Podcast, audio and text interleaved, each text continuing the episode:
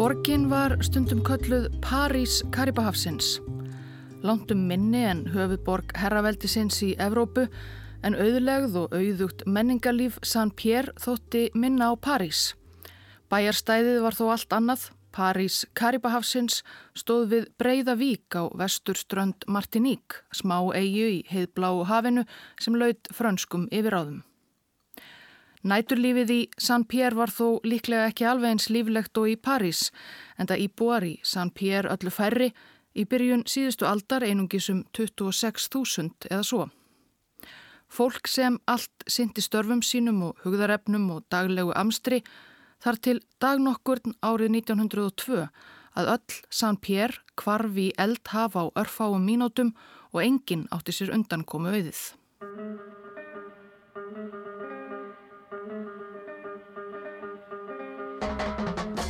Martiník er ekki sérlega stór eiga, rúmir 1000 ferkilometrar á stærð við danska Láland. Hún er aflaung, 64 km laung og 24 km breið. Hún telst til litlu Antila eigaklassans norðvestur af Barbados og söður af Dominíku. Líkt og á fleiri eigum Karibahafsins settust sæfarandi landnemar frá norðurströnd söður Ameríku, Karibar, að á eigunni fyrir þúsund árum eða svo. Kristófer Kolumbus kortlagði eiguna og hafði þar stuttaviðkomu á siglingum sínum um Karibahafið í lok 15. aldar og byrjun 16. En spánverjar hafðu takmarkaðan áhuga á eigunni þó frjósum væri hún og veðurlag gott. Svo hún var afskipt af Evrópumönnum fram til ársins 1635. Þá lendi skip franskra landnema á Martiník einmitt í víkinni sem kent var við San Pierre.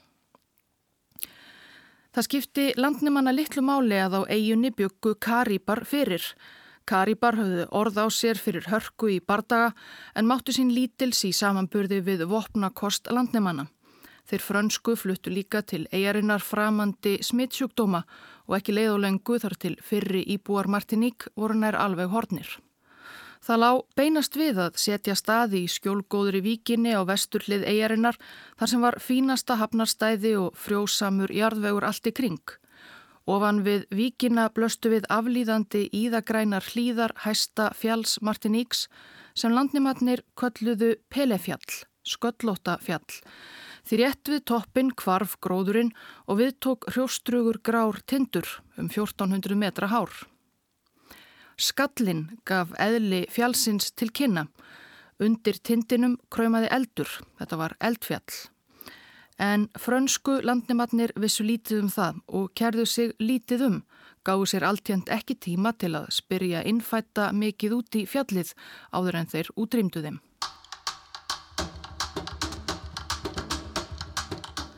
Byggðin í vikinni San Pierre blómstraði og víðar á eigunni spruttu upp franskir bæir og þorp. Sigurreirs rækt var orðin helsta atvinnugrein landnema á átjónduöld.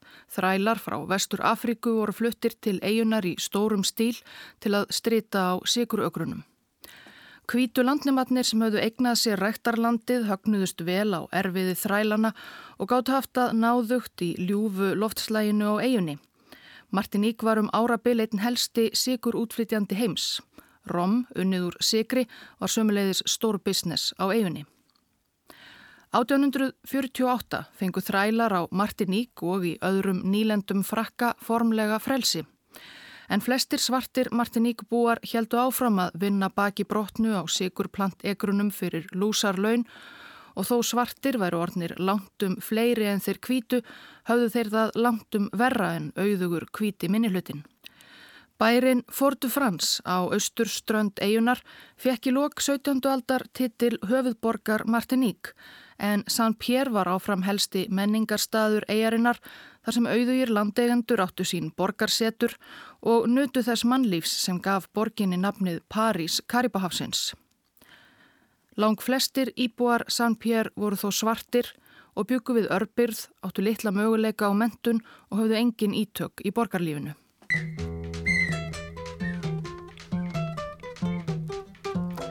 Hefðu fyrstu frönsku landnimatnir reyndað ræða við Karibana sem urðu fyrir grimt þeirra, hefðu þeir kannski geta sagt þeim hvers vegna þeir kölluðu Pelefjall fyrir ofan Sannpjörvíkina á sinni tungu bókstaflega eldfjallið með lotningu og óta. Karibatnir höfðu að minnstakosti tvísvar orði vitni að því að Pelefjall spúði eldi og fyldi gósum þess mikil eðilegging. Landnemar fengu þó að kynast fjallinu örlítið. Pelefjall gaus fyrst eftir yfirtöku frakka 1792 Það var lítið gós og ómerkilegt og var flestum eigaskekkjum von bráðar glemt. 1851 gaus fjallið aftur, jafn ámátlega, einhver reykur og aska puðraðist upp úr fjallstindinum fyrir ofan San Pér en allir borgarbúum korki teljandi óþægindum njóta. Hálfri öll síðar, við aldamótin 1900, mundu bara eldstu íbúar San Pér eftir setna gósinu og álitt flestra borgarbúa Þeirra sem yfirleitt hugsuðu eitthvað úti í fjallið fyrir ofan þá var að þetta væri óvirt eldfjall eða deyjandi fyrir gos þess dauða tegjur.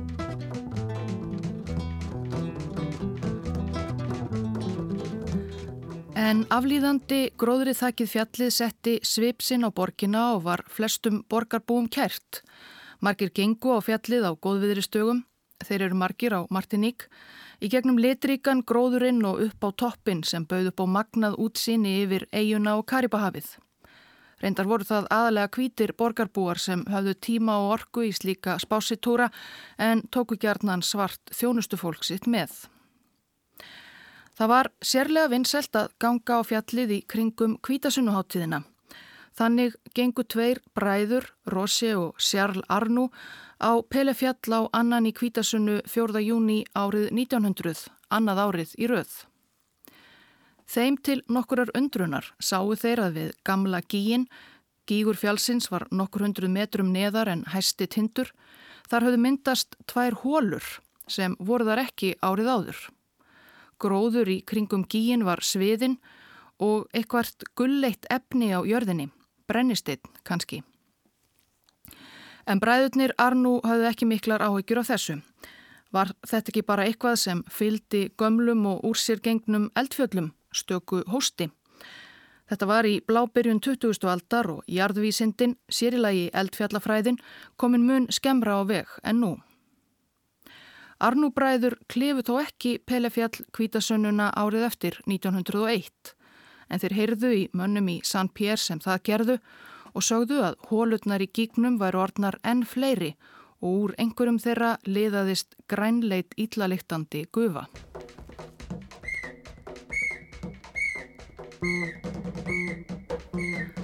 Lífið í Saint-Pierre gekk áfram sinn vanagang og eldfjallið sem gnæfði yfir bænum var ekki ofarlega í huga margra.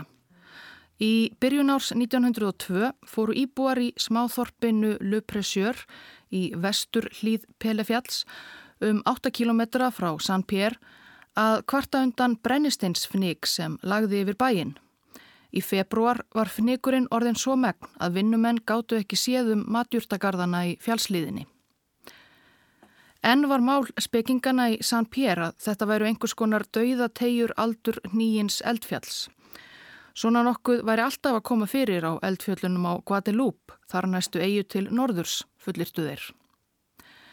Þegar leið á vorið 1902 varð Brennistens fnekurinn óbærilegri í þorpum og sveitabílum í vestur hlið fjallsins. Fólki leið ítla og hestar neituðu að reyfa sig úr stað. Árla morguns 23. apríl skóku nokkrir jarðskjáltar San Pér og nágræni. Grjótrun varði fjallinu og diskar hrundu úr hillum mektarfólksins í borginni. Og þá um kvöldið, kortir í nýju, örðu íbúar í brennisteins þjáða þorpinu Lupressjör varir við sprengingu. Og von bráðar fór kvítur reykur að liðast upp úr eldfjallinu sem þeir byggu utan í.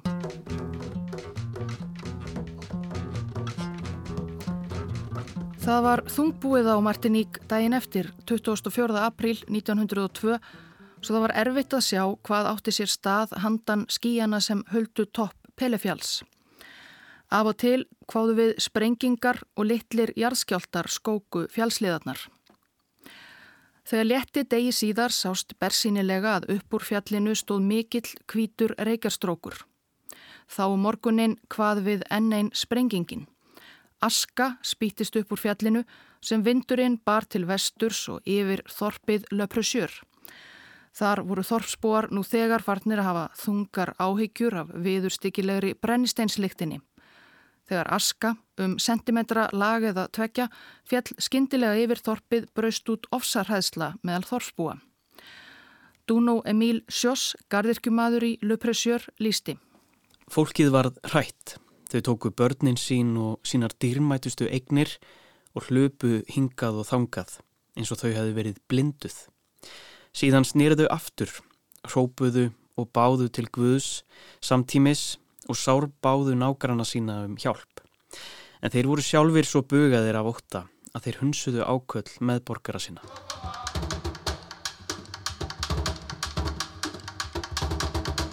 Eftir róstu saman dag 25. april virtist eldfjallið róast.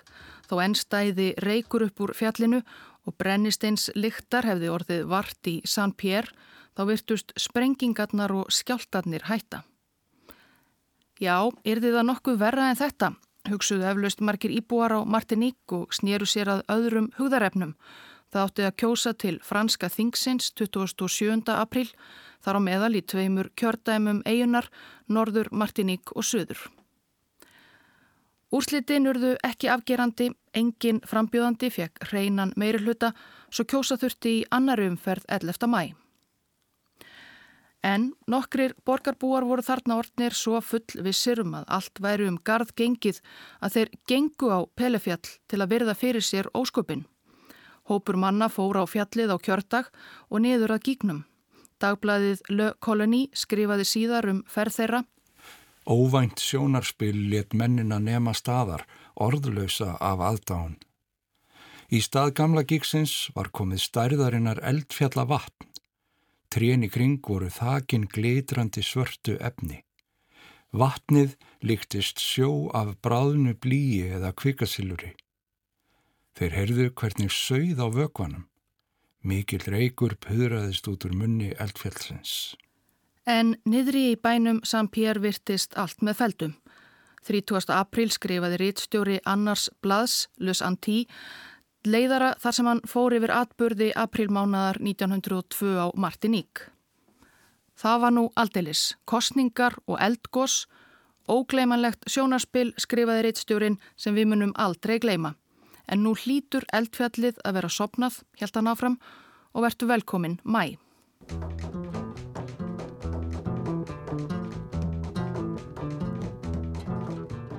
Já, vertu velkomin mæ. Snemma morguns 1. mæ 1902 vöknuðu þorpsbúar í löprusjör við upplugar sprengingar og aftur stiftist svört aska niður fjálslíðina og yfir þorpið. Þorpsbúar fyltust aftur ofsar hæðslum. Ástandið versnaði enn daginn eftir. Sprengingar og drunur bárust frá fjallinu, þykkur reykur og aska umlugti þorpin og bílinn í vesturlíð Pelefjalls svo að það var nætur myrkur um miðjan dag.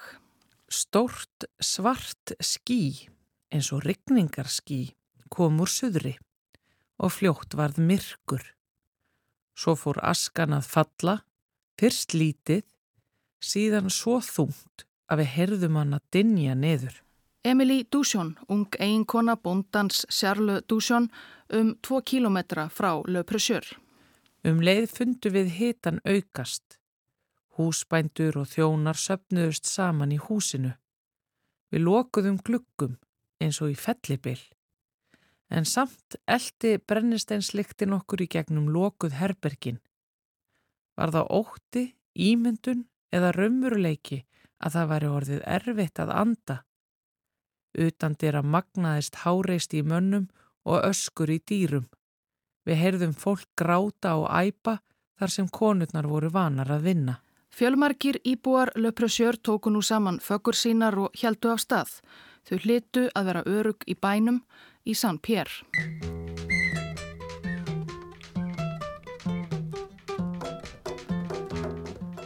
Aska fór að falla á San Pierre síðdeis annan mæ, ekki þó í sama magni og verið hafði í vestur hlýðum fjálsins. Þar voru mektarmennir en evinsum hvort einhver raunveruleg hætta gæti verið á ferðum. Þriðja mæ fór prestur nokkur frá Saint-Pierre með gufuskipi norður til Le Pressure að virða fyrir sér ástandi þar. Trúar ofsi hafi gripið um sig meðal þeirra sem enn voru eftir í öskumirkrinu. Sprengingarnar eins og fallbissu skotrýð mögnuðust á sex tíma fresti. Hvert þorp var fullt af fólki sem flúði hæðirnar til strandar, kirkjurnar voru allar fullar og prestarnir hættu ekki að skýra, hlusta á skriftir og blása kjarki í óttaslegið fólk. Ég reyndi að hugreista þau öll. Á heimleiðinni festist ég í ösku skíi, svo þykku að það var svart eins og nóttin. Sama dag flúðu bændahjónin Charles og Emily Dusjón bíli sitt.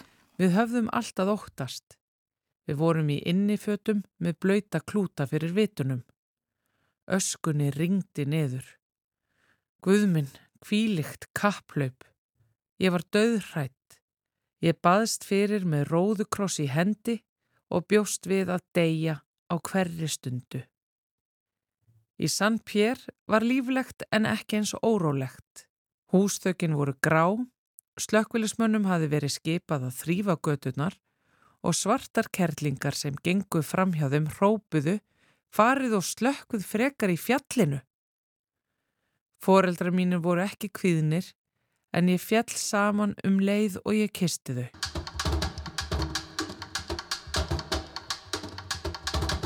Þegar ég vaknaði hálf sex var borgin þakin gráum snjó eins og vetrar landslag án kuldans. Roser Portel, grunnskólakennari í Saint-Pierre, 3. mæ 1902. Öskunni ringdi niður, hún blindaði mig og fauk inn í nasirnar á mér. Fólk flúði til borgarinnar, þetta voru óttasleiknir flótamenn, tætingsleg fylking, berfættara barna, bóndakvenna og stórvaksina svartra pilta sem burðuðust með dínur fyrir nóttina og um leið tautuðu gömlu konurnar í gluggum borgarinnar endalösar bænir sínar.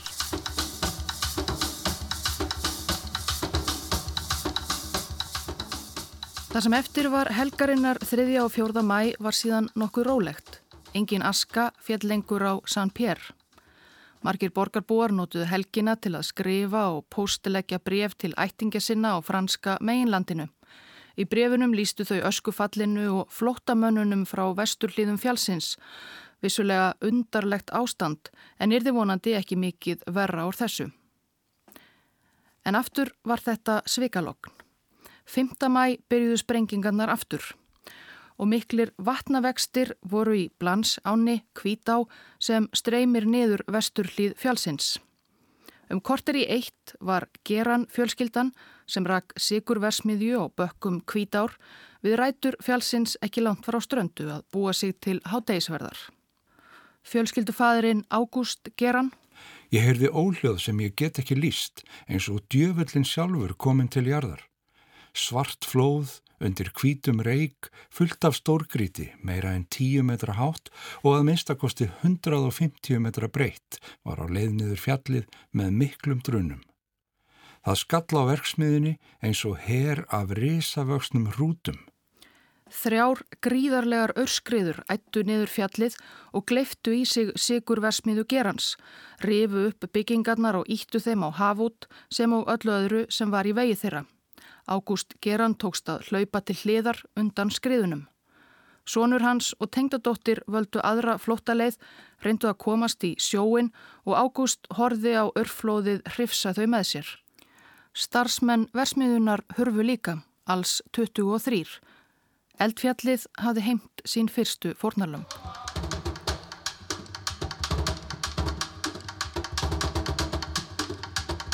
Frettinnar af harmleiknum í geranversmiðunni bárust fljótt til San Pierre og vöktu óhug og óta. Fólk var farið að missa trúna á að það væri engin hætta á ferðum. Margir voru þó enn tvístígandi um hvort réttast væri að flýja borgina. Fólk snérist í óvissu og valkvíða. Yfirvöldi í San Pierre höfðu sannlega ekki gefið út neinar sérstakar tilskipanir hvað þá ráleggingar en streymdi þó flóta fólk úr þorpunum í vestur hlýðum fjálsins til San Pierre í leita skjóli. Sjötta mæ tóku borgarbúar í San Pierre eftir að strókurinn upp úr fjallinu var orðin dekri og lístist upp í eldglæringum. Kvikan var að brjóta sér leið upp á yfirborðið en sem fyrr tóku margir borgarbúar, ekki sérfróðir um eldfjöll, þetta sem einhvers konar merki þess að nú hliti gósinu að vera að ljúka. Á veggjum bygginga í San Pierre byrtist loks orðsending frá borgarstjóranum. Kæru meðborgarar. Nýjar hörmungar hafa hent land okkar sem þegar hefur þurft margt að þóla. Borgarstjóri kvatti borgarbúa til að veita flóttafólkinu úr vesturhlýðunum allt að lið sem und væri. En saði svo Við getum fullvissað ykkur um að vegna þeirra miklu dala sem skilja okkur frá gígnum þarf ekki að óttast neina bráða hættu og raunnið mun ekki ná borginni. Þessir atbyrðir munu einskorðast við þá staði sem þegar hafa orðið ítla úti. Látið ekki bugast af ástæðulösum óta, missið ekki kjarkin. Vinsamlegast haldið ykkar daglegu störfum áfram.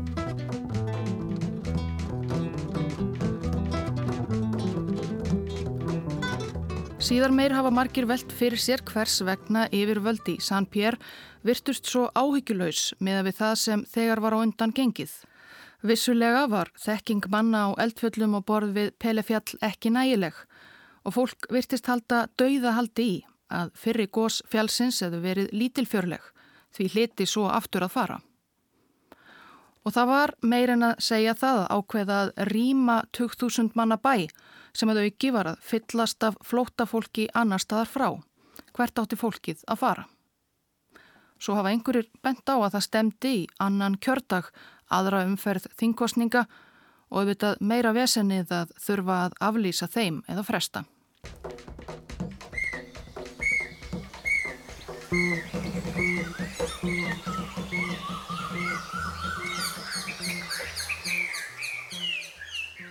Áttundi mæ 1902 var uppstinningardagur. Það var þó og þrátt fyrir ótrúlega atbyrði síðustu daga nokkuð venjulegur morgun í San Pierre. Kaupskip byrtust í vikinni fyrir utan bæin Árla morguns. Þar á meðal var enska skipið Rottam sem kastaði akkerum í San Pér vikinni um kortir í sjöð morgni. Skipið sildi um Karibahafsegjar að sækja sigur fyrir englendinga hafði silt til Martiník frá Santi Luciu um nóttina. Um borð var meðal annars sænskur sjóari Karl Forsberg, ungur ævintýramaður 24 ára. Það fjall kvít gjóska á þilfar Rottam eins og það snjóaði. Fleiri skip bættust við um morgunin.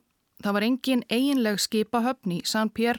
Skipin röðuðu sér í vikina skamt undan landi og menn fóru í land og affermdu og lestuðu á smábótum.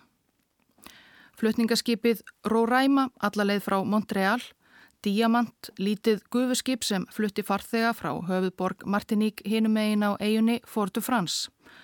Um borð voru höfuborgarbúar sem vildu Olmir sjá umtalað sjónarspilið í San Pierre og göftu þegar fjallið byrtist þeim með silfraðan reykjarstrókin sem liðaðist upp til himins.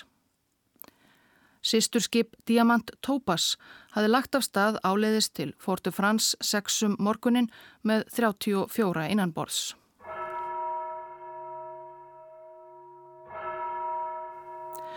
Á landi fóru trúræknir íbúar Saint-Pierre snemma til morgun Guðstjónustu á uppstinningadaginn, kannski enn fleiri en venjulega, auk öskunar lág kvíðaskí yfir borginni. Jarðhræringarnar stóðu enn, eldglæringar lístu upp reykjar mökkin úr fjallinu, engverjir höfðu ekki hlustað á tilmæli borgarstjóra og yfirgefið borginna. En fleiri borgarbúar treystu yfirvöldum eða áttu ekki í önnur hús að venda. Margir áttu frí þennan daginn. Svo var ekki með starfsmannin á símstöðinni á San Pierre. Hann hóf vinnudaginn sem vanalega á slæginu 8.00 með því að senda skeiti á kollega sinn í Fortu Frans. Fortu Frans svaraði mínútu síðar, hvað er að frétta þannig hinum einn? Mínútu síðar 8.02 heyrði starfsmæður símstöðvar í Fortu Frans Martiník torkennilegt hljóð á línunni til San Pierre svo ekkert meira. Á sama andartaki var kaupsíslumadur í Fortu Frans að ræða við kunningasinn í Saint-Pierre í Síma um daginn og veginn. Kunningin hafi rétt sleft orðinu þegar kaupsíslumadurinn heyrði hryllilegt öskur á línunni, svo eitthvað sem hann líkti við dauðarhyglum. Síðan þögn. Sænski sjóarinn Karl Forsberg stóð framarlega á ösku þögtu þilfari enska kaupskipsins Rottam tvær mínútur yfir áttaða morgni 8. mæ 1902.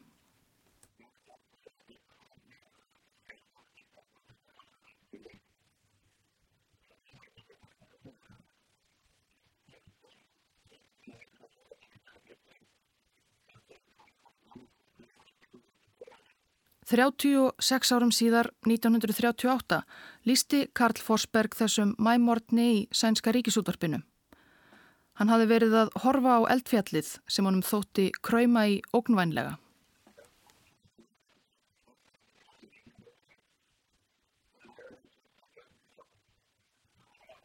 Ég stóð við handriðið og heyrði hryllilegt hljóð sem ég mun aldrei glema. Það hljómaði eins og skotið hefði verið af risa fallbissu. Það sem gerðist næstu sekundurnar veit ég vartla. Það var eins og hönd risa hefði hrifsað rottam 5.000 tonna skip. Akkeriskeðjurnar slittnið eins og tvinni. Hríkaleg alda sópaði skipuna að ströndu og kastaði því svo aftur út í dýpið. Ég held að þetta væri síðasta stund í örðarinnar. Klukkan tvær mínútur yfir átta þennan morgun hafði eldfjallið Pelefjall á Martiník loksins leist úr læðingi þann mátt sem kræmað hafði innra með því. Sprenging, svo upplug að hún heyriðist suður í Venezuela og svo gríðarlegt magna af eldheitu gasi sem á einu augabræði spýttist út úr fjallinu með miklu afli og þauðt í gegnum loftið á ógnarhraða niður fjallslíðina og í átt að San Pierre. Þetta var fyrir breyði sem fáir hafa kannast við á Martiník árið 1902. Svo kallað gusthlaup, það er tegund gjóskuhlaups úr eldfjalli sem samanstendur fyrir ekkar af gasi en gjósku, þýtur yfir holt og hæðir og fjöll svo að því halda í raun engin bönd. Gasið, heitt og bannvænt blandað gjósku og logandi heitum steinum og vikri æðir áfram á alltaf 500 km hraða og tortímir öllu sem fyrir því verður. Í gusthlaupum býr hryllilegasti og magnaðasti eðaleggingarmáttur eldfjalla. Talið er að það hafi verið gusthlaup úr Vesuvíusi sem tortímdi rómversku borginni Pompei árið 79.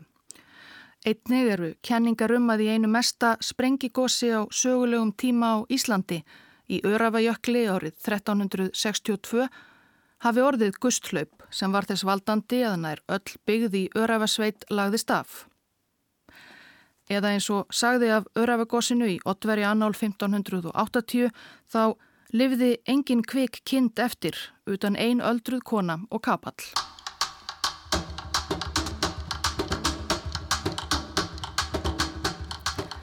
Frakkar kalla gust hlaup Núi Ardont, glóandi skí. Glóandi skíið úr Pelefjalli gleifti byggðina í San Pierre í sig á örskot stundum.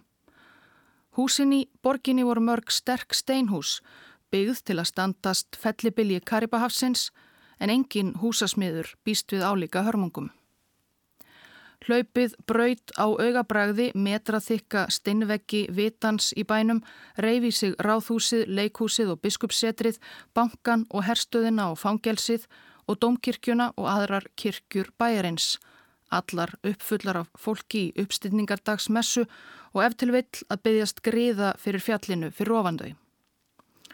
Það var engin tími til að byggjast frekar í vægðar, það var engin tími til undankomu, allt þetta gerðist á örfáum andartökum. Fólki gafst eftir vill tími til að líta undrandi í kringum sig þegar sprengingin mikla gall við úr fjallinu tvær mínútur yfir átta en svo hrundu byggingarnar yfir þau og þau sem úti voru brunnu eða köpnuðu í eldheitu gasinu inniblið þeirra brunnu upp að innan. Örfáir öruglega lifðu af þetta fyrsta öfluga hlaup. Fimm mínútur yfir áttaða morgni 8. mæ 1902 Fimm mínútum eftir að starfsmæður símstöðvarinnar í San Pierre hafði opnað línuna fyrir daginn var meiri hluti bæjarbúa látin og flestir þeir sem flúið höfðu gjóskufallið í vestur hlýðum eldfjálsins til bæjarins. Bærin San Pierre var rústir einar, hlaupið hafði engu eirt. Ef til vill lágu einhverjir á lífi, brendir eða alvarlega slasaðir þarna fimm minútur yfir en nær samstundis kviknuðu eldar í rústunum, í timburverki og romtunum og von bráðar var það sem eftir var af San Pierre eitt eldhaf að auki.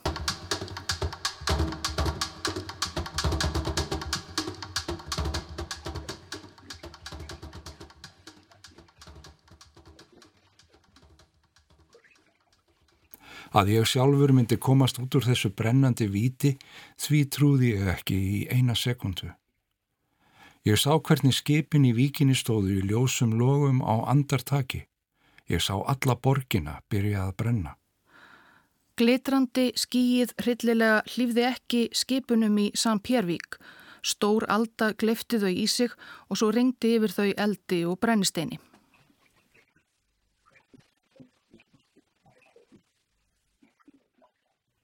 Það var eins og allt brinni. Himinin og hafið voru alelda. Skíin líktust logum. Það fór að rigna, en það var engin svalandi rigning. Það var sjóðandi heitt vatn, blandað glóandi kviku sem ringdi yfir borgina, höfnina og Rottam.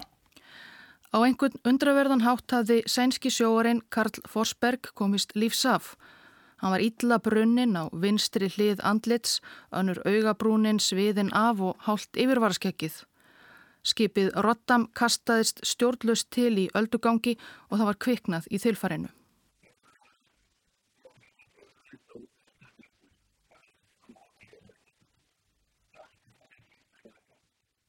Nú heyrðust örvæntingar full óp eftir vatni um allt skipið. Í kringum mig sá ég félaga mína á ráhefninni deyja án þess að geta nokkuð gert til að hjálpa þeim eða lina þjáningar þeirra. Burt! Við verðum að koma spurt, saði skipstjórin. Það dóu 30 um borði í enska kaupskipinu Rottam. Þeim sem eftir voru í áhöfnunni og ekki voru ítla serðir tókst að slökkva eldin um borð, koma skipinu í gang og stíma burt frá eldhafinu í San Pierre. Öll önnur skip í vikinni, brunnu eða suku.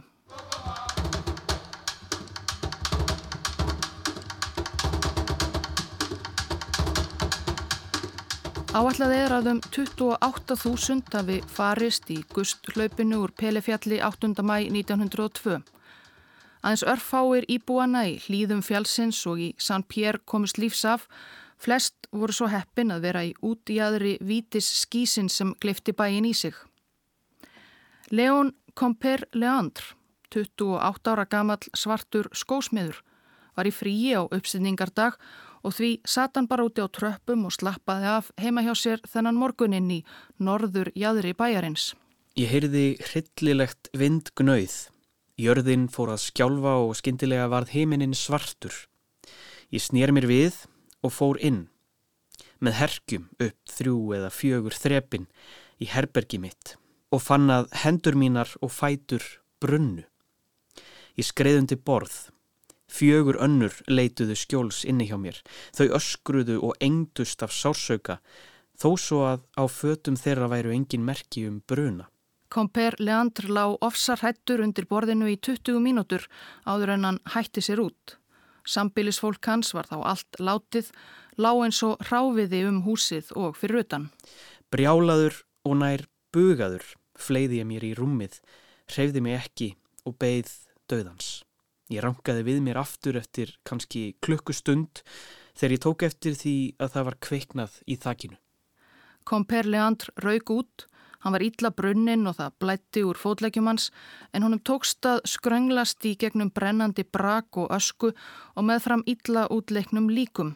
Hann sá ekki sálu á lífi, um 6 kilometra austur til næsta smábæjar sem sloppið hafði og þar sem hlúð var að sárum hans.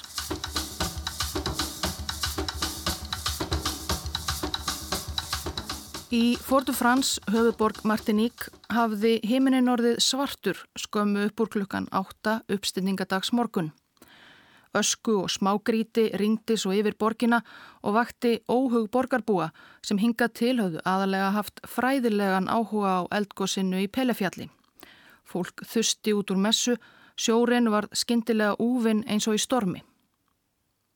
Fljótlega uppgötuðu höfuborgarbúar að það náðist ekkert samband við San Pierre. Engin svaraði í síman, engin ansaði símskeitum. Allt samband var rofið. Lið Hermanna voru sendt fótgangandi til að aðtuga hvað væri að skei í San Pierre. Þau snýru öll tilbaka. Hitin var yfirbugandi þegar nær bænum dró.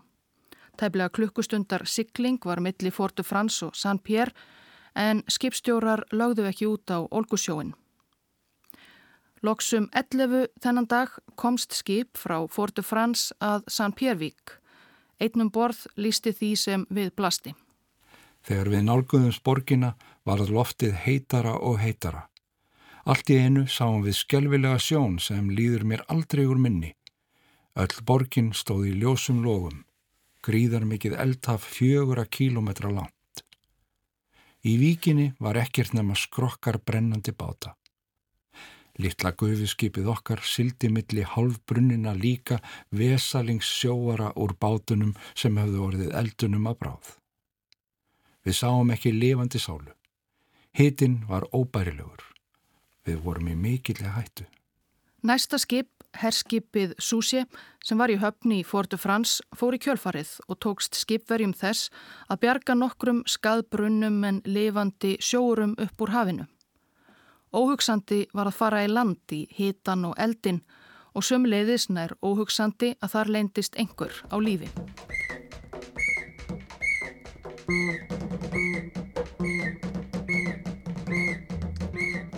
Það var ekki fyrir en 10. mæ, tveimur dögum eftir gusslaupið, sem skipverjar á Súsje treystu sér í land. Þeirra beigð nær ólýsanlegur hryllingur, algjör eidilegging og kolsvört brunnin líkum allt í afskræmdum undarlegum stellingum. Ekkert líf neinstadar. Kapp var því lagt í Fortu Frans að senda skip með fram strandlengjunni að aðtúa smábæi við ströndina og þar, meðal annars í Le Pressure, reyndust mörg hafa komist lífs af. Gustlaupið hafði ætt beint yfir San Pierre. Síðdeis 11. mæ voru þrýr menn frá fjallabænum Le Morne Rouge á gangi í rjúkandi rústunum, kannski forvitnir, kannski að leita að einhverjum verðmætum. Þeir gengu fram hjá því sem eitt sinn var leikús San Pierre og upp að fangelsinu þegar þeir heyrðu skindilega döf hróp. Í rústum fangelsisbyggingarinnar stóð einn klefi enn uppi, sterkbyggður sem sprengjubyrgi, einangrunar klefin.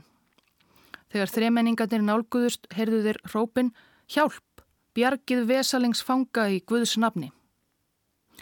Mönnunum tókst að brjóta járnhurð klefans upp með steini og útsteg forviða ungur maður um 25 ára og sá í fyrsta sinn eigðilegginguna í kringum sig. Hann hétt Louis Auguste Silbaris og var frá Le Pressure.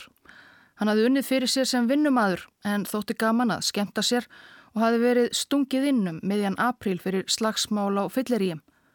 Stungið í einangrunnar klefan sem reyndist vera örugasti staður San Pierre. Þar hafði hann beðið í fjóra daga. Þetta var klukkan átta og allt í einu heyrði ég hryllilegan háfaða. Allir hrópuðu hjálp, ég brenn, ég dey en fimm mínutum síðar hrópaði engin lengur nema ég. Þá fylltist klefin minn af reik. Reikurinn brendi mig, svo að í korter varði ég að stökka til hægri og vinstri upp og niður til að forðast hann. Ægileg þögn skall á þegar þessu var lokið. Ég hlustaði og hrópaði eftir einhverjum að bjarga mér, engin svaraði.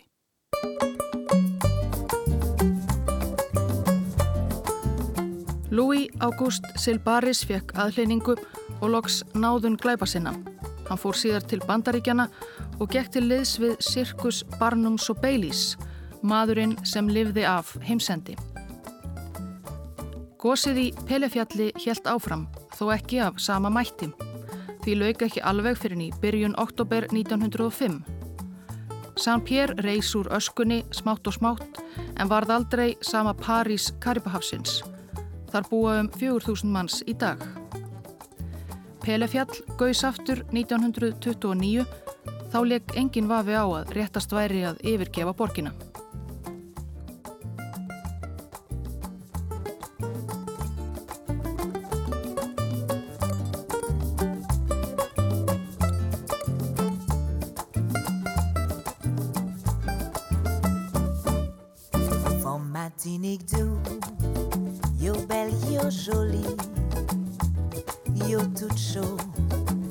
tout agaçant. Femme à tunique doux, yo belle, yo jolie, yo tout chaud, yo tout agaçant. Chao Kalilisa, Chao Kalilisa.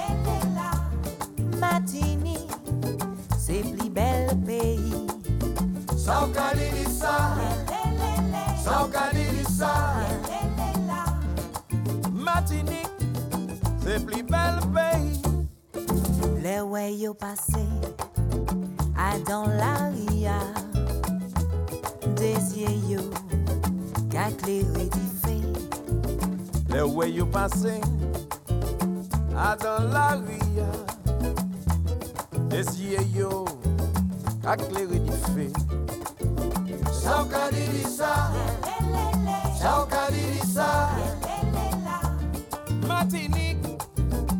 se pli bel peyi Sa ou ka lirisa Sa ou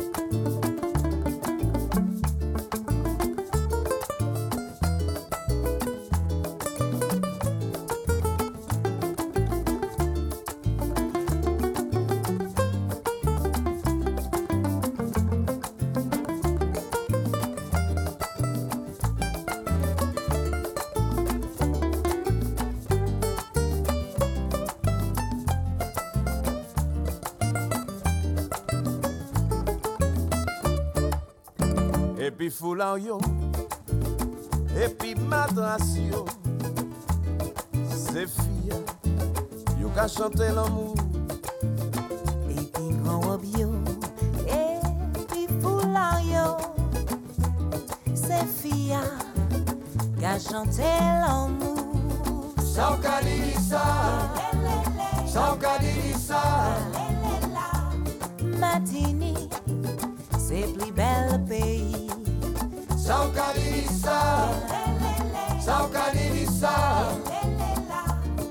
Martinique, c'est plus bel pays.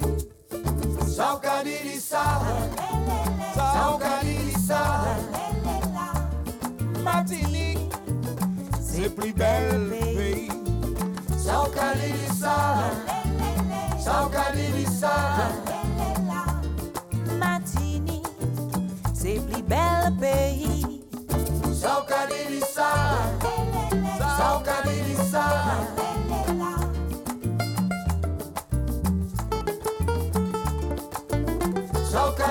side.